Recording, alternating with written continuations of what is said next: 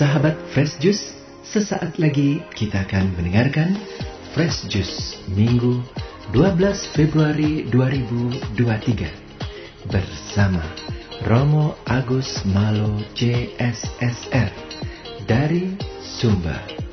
Selamat mendengarkan.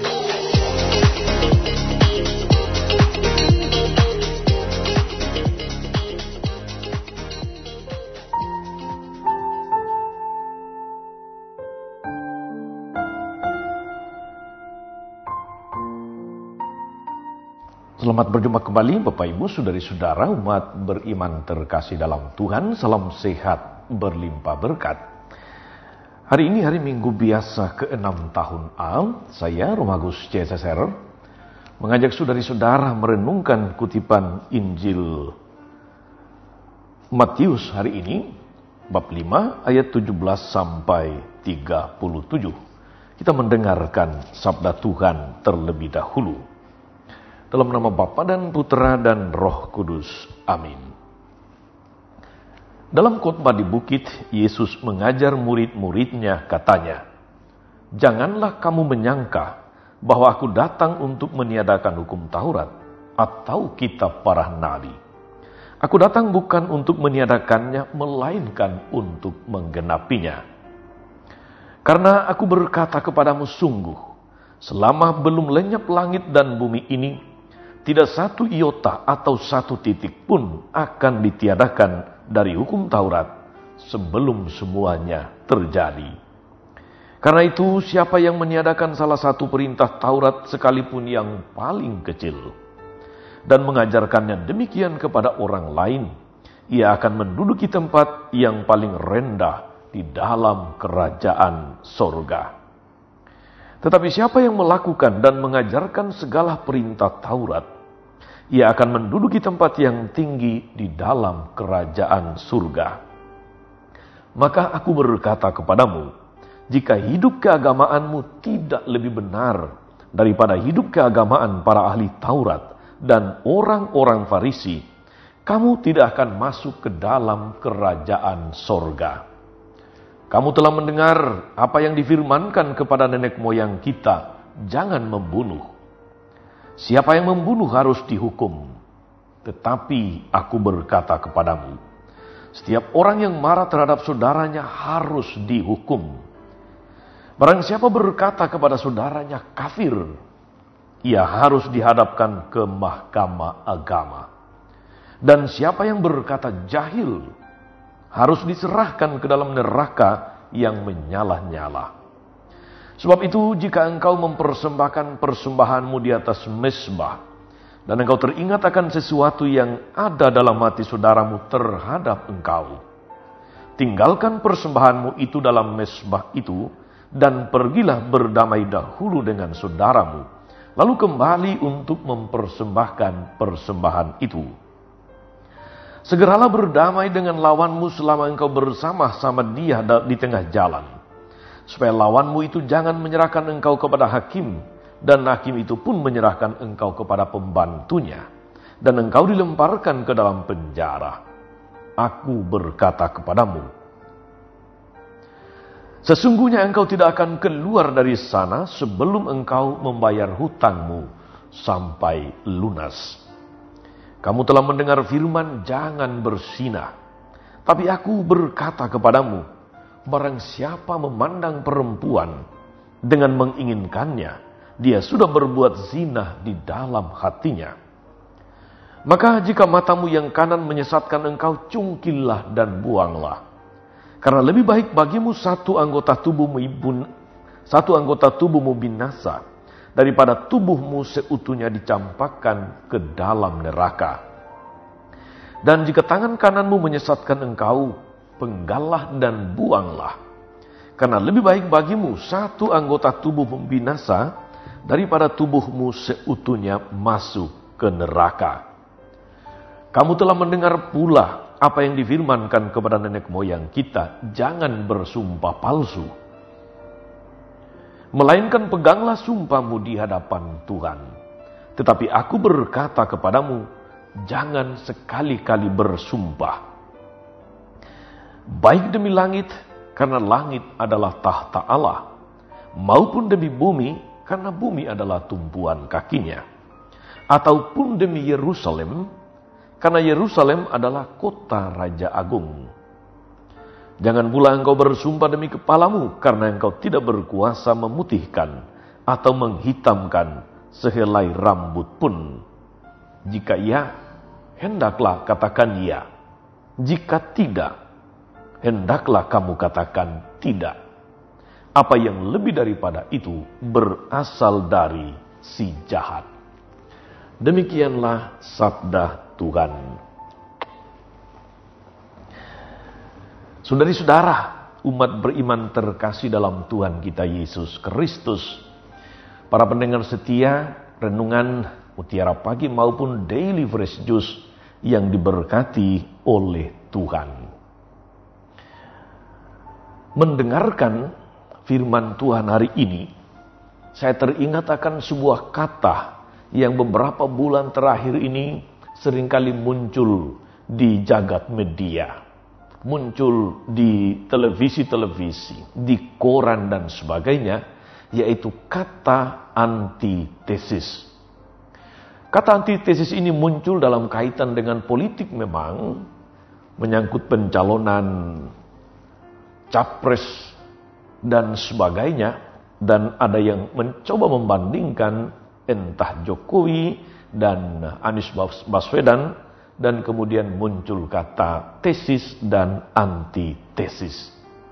Tapi saya ingin berkhotbah hari ini saudari-saudara lebih dalam kaitannya dengan Yesus sebagai antitesis. Yesus sang antitesis. Dia adalah antitesis terhadap orang-orang Farisi, ahli-ahli Taurat, para imam, dan rabi pada masa itu.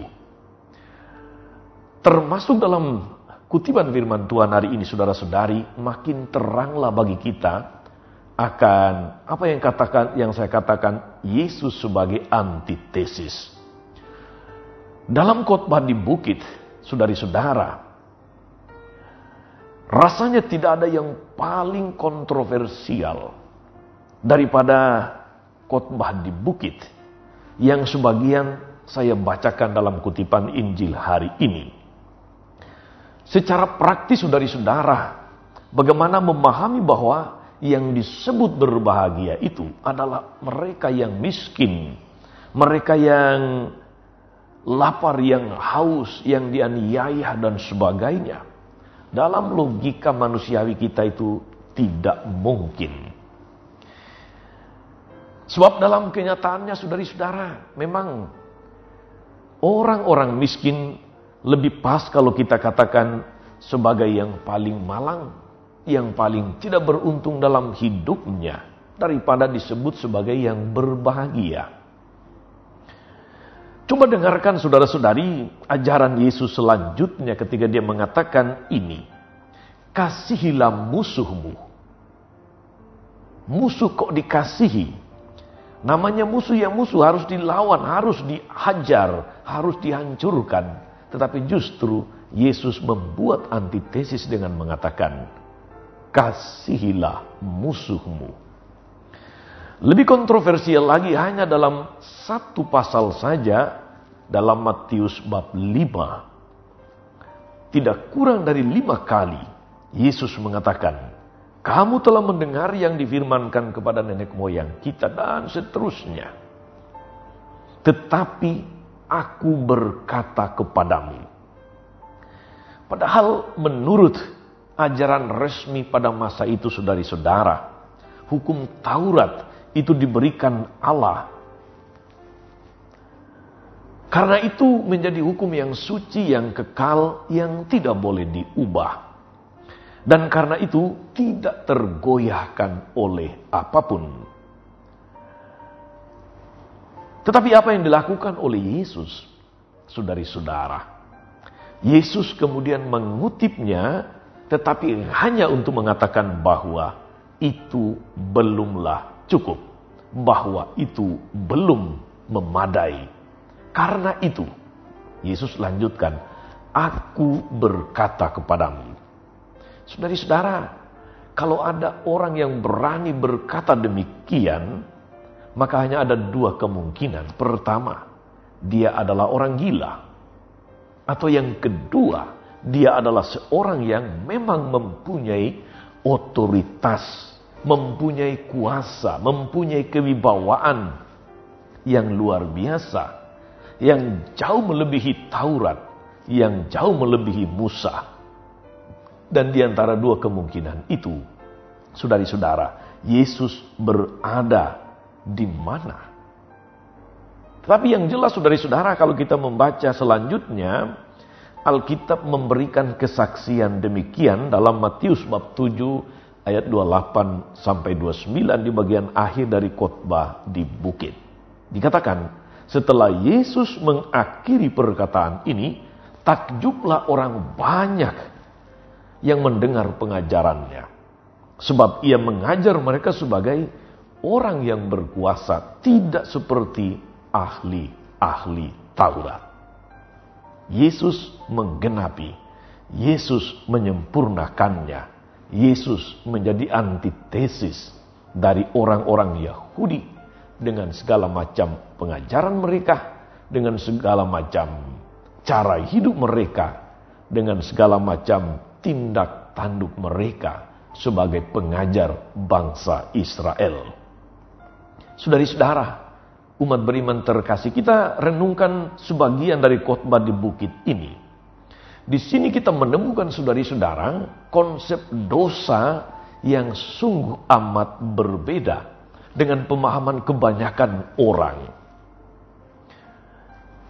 Yesus mengatakan bahwa dosa itu tidak ketika kita melakukannya atau dosa itu terjadi tidak ketika kita melakukannya atau melakukan sesuatu, dosa itu sudah terjadi ketika kita mulai menginginkannya. Saudari-saudara, umat beriman terkasih dalam Tuhan, dosa dalam hal ini lalu tidak hanya menyangkut tindakan. Dosa itu sudah menyangkut keinginan. Kalau biasanya kita mengatakan saudari-saudara, cinta itu datang dari mata turun ke hati, maka Yesus mengatakan dosa, dosa itu datang dari hati, dia naik ke mata dan seterusnya. Dia mulai dari keinginan, bukan ketika sudah menjadi tindakan. Apa yang dalam hati mempengaruhi otak, mempengaruhi pikiran orang, mempengaruhi mata, lalu kemudian mempengaruhi segala tindak tanduk. Maka ketika Yesus misalnya mengutip saudara-saudari, tentang misalnya membunuh. Jangan membunuh. Tapi Yesus mengatakan membunuh tentu saja dosa. Tetapi dosa itu sudah terjadi ketika orang mulai marah. Sebab tidak ada orang yang kemudian membunuh tiba-tiba tanpa ada alasan, tanpa marah, tanpa emosi dan sebagainya. Bersinah tentu saja dosa. Tetapi kepingin atau bernafsu saja itu sudah menjadi dosa. Saudari-saudara, umat beriman terkasih dalam Tuhan kita Yesus Kristus tentang marah. Apakah para pengikut Yesus, apakah orang Kristiani tidak boleh marah? Kalau saya yang menjawab, ya kalau bisa sih orang jangan marah. Itu baik juga. Sebab marah itu saudari-saudara capek. Marah itu bikin menguras energi. Marah itu bikin stres dan sebagainya. Tetapi kalau kita membaca dalam kitab suci saudara-saudari. Yang dipersoalkan sebenarnya bukan soal marahnya. Marah itu tidak bisa dihindarkan. Kalau orang punya perasaan tentu saja dia bisa marah ketika dia merasa tersinggung, ketika dia merasa disakiti, ketika dia merasa diperlakukan tidak adil dengan tidak benar dan sebagainya. Kalau bukan marahnya itu sendiri yang dipersoalkan, lalu apa? Saudari-saudara, umat beriman terkasih, yang dipersoalkan adalah apa yang menyebabkan kita marah dan apa yang kita lakukan di dalam kemarahan kita. Yesus juga pernah marah Ya, pernah marah. Kapan? Ketika rumah Allah, ketika bait Allah, bait suci dipakai untuk menggelar kerakusan, dipakai untuk menggelar ketidakadilan, dipakai untuk menggelar manipulasi, dipakai untuk menggelar kecurangan, dipakai untuk mencari keuntungan. Yesus marah besar. Kita mendengarkan itu saudara-saudari, bagaimana Yesus menunjukkan kemarahan yang luar biasa. Dia menghambur-hamburkan meja para penukar uang dan sebagainya dan mengusir mereka pergi. Kesewenang-wenangan yang terjadi, manipulasi di sekitar bait Allah. Itu yang membuat Yesus marah. Tetapi ketika dia diperlakukan tidak adil, ketika dia disalibkan, dia tidak marah. Dia tidak membalas dendam. Dia lakukan itu dengan penuh ketaatan kepada kehendak Allah. Saudari-saudara, Alkitab membedakan marah yang kudus dan marah yang egoistis. Marah yang egoistis inilah yang sering kali melahirkan dosa melalui perasaan tersinggung, melalui rasa jengkel, melalui benci, dendam, dan pada akhirnya melakukan macam-macam kekerasan, melakukan macam-macam tindakan sampai kepada pembunuhan. Saudari-saudara, umat beriman terkasih, dalam bahasa Yunani ada dua kata yang dipakai untuk menjelaskan kata marah. Yang pertama adalah kata tumos. Tumos itu kalau kita atau kalau saya menggambarkannya itu ibarat api yang menyambar uh, jerami yang kering. Dia membakar dan dalam waktu sekejap hilang. Dia cepat menyala, tetapi juga cepat sekali padam. Dia cepat sekali marah, tapi cepat juga hilang marahnya. Setelah selesai marah, ya sudah, semuanya selesai. Tetapi ada marah dalam arti yang kedua dalam bahasa Yunani, yaitu orge. Marah yang seperti ini ibarat api dalam sekam. Pelan membakarnya, tetapi padamnya lama. Karena seolah-olah memang dipelihara untuk tidak padam. Karena seolah-olah memang dipelihara untuk tidak cepat selesai. Daripada dilupakannya, diingat-ingat terus. Ibarat luka, begitu dia mulai mengering, dikorek lagi berdarah lagi, dan seterusnya. Istilah marah yang dimaksudkan oleh Yesus adalah marah dalam arti yang kedua, yaitu orge. Marah yang ibarat api dalam sekam, yang menyimpan dendam, yang menyimpan kepahitan, yang menyimpan nafsu untuk membalas dan sebagainya. Saudari-saudara, umat beriman terkasih dalam Tuhan, ibadah dan persembahan kita tidak ada gunanya menurut Yesus kalau kita memelihara dan tidak mau membuang amarah dan ganjalan terhadap sesama kita. Karena itu Yesus katakan, tinggalkan mesbah itu dan pergi berdamai dahulu, baru kembali lagi. Saudari-saudara umat beriman terkasih dalam hal sumpah palsu Yesus mengatakan, jangan sekali-kali bersumpah. Jika iya, katakan ya. Jika tidak, katakan tidak. Lebih daripada itu berasal dari si jahat. Orang benar, orang jujur tidak akan tergoda untuk bersumpah palsu. Karena dia sadar bahwa apa yang dia lakukan, yang ia pikirkan adalah gambaran kejujuran hidupnya. Jadi tidak perlu mencatut nama Tuhan hanya untuk membenarkan kepalsuan dan kebohongan dalam hidup. Saudari-saudara umat beriman terkasih dalam Tuhan, saya mengajak kita pada hari Minggu ini untuk berusaha hidup baik, hidup benar dan jujur di hadapan Tuhan. Sebab Tuhan Yesus sendiri menegaskan, jika hidup keagamaanmu tidak lebih baik daripada orang-orang Farisi dan ahli Taurat, kamu tidak akan masuk ke dalam kerajaan sorga. Bacaan kedua hari ini meneguhkan kita saudara-saudari bahwa hidup atau mati itu ada di depan kita. Pilihan itu ada pada kita. Mau memilih hidup atau memilih mati.